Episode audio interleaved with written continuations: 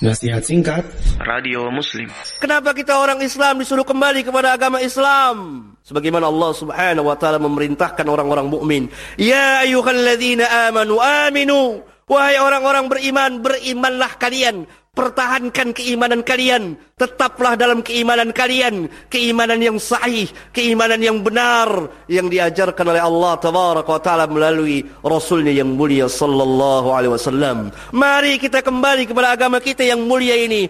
Mari kita kembali kepada agama kita yang mulia ini. Menegakkan kalimat tauhid. La ilaha illallah Muhammadur Rasulullah. La ilaha illallah Muhammadur Rasulullah La ilaha illallah Muhammad Rasulullah. Man kana akhiru kalamihi La ilaha illallah dakhalal jannah.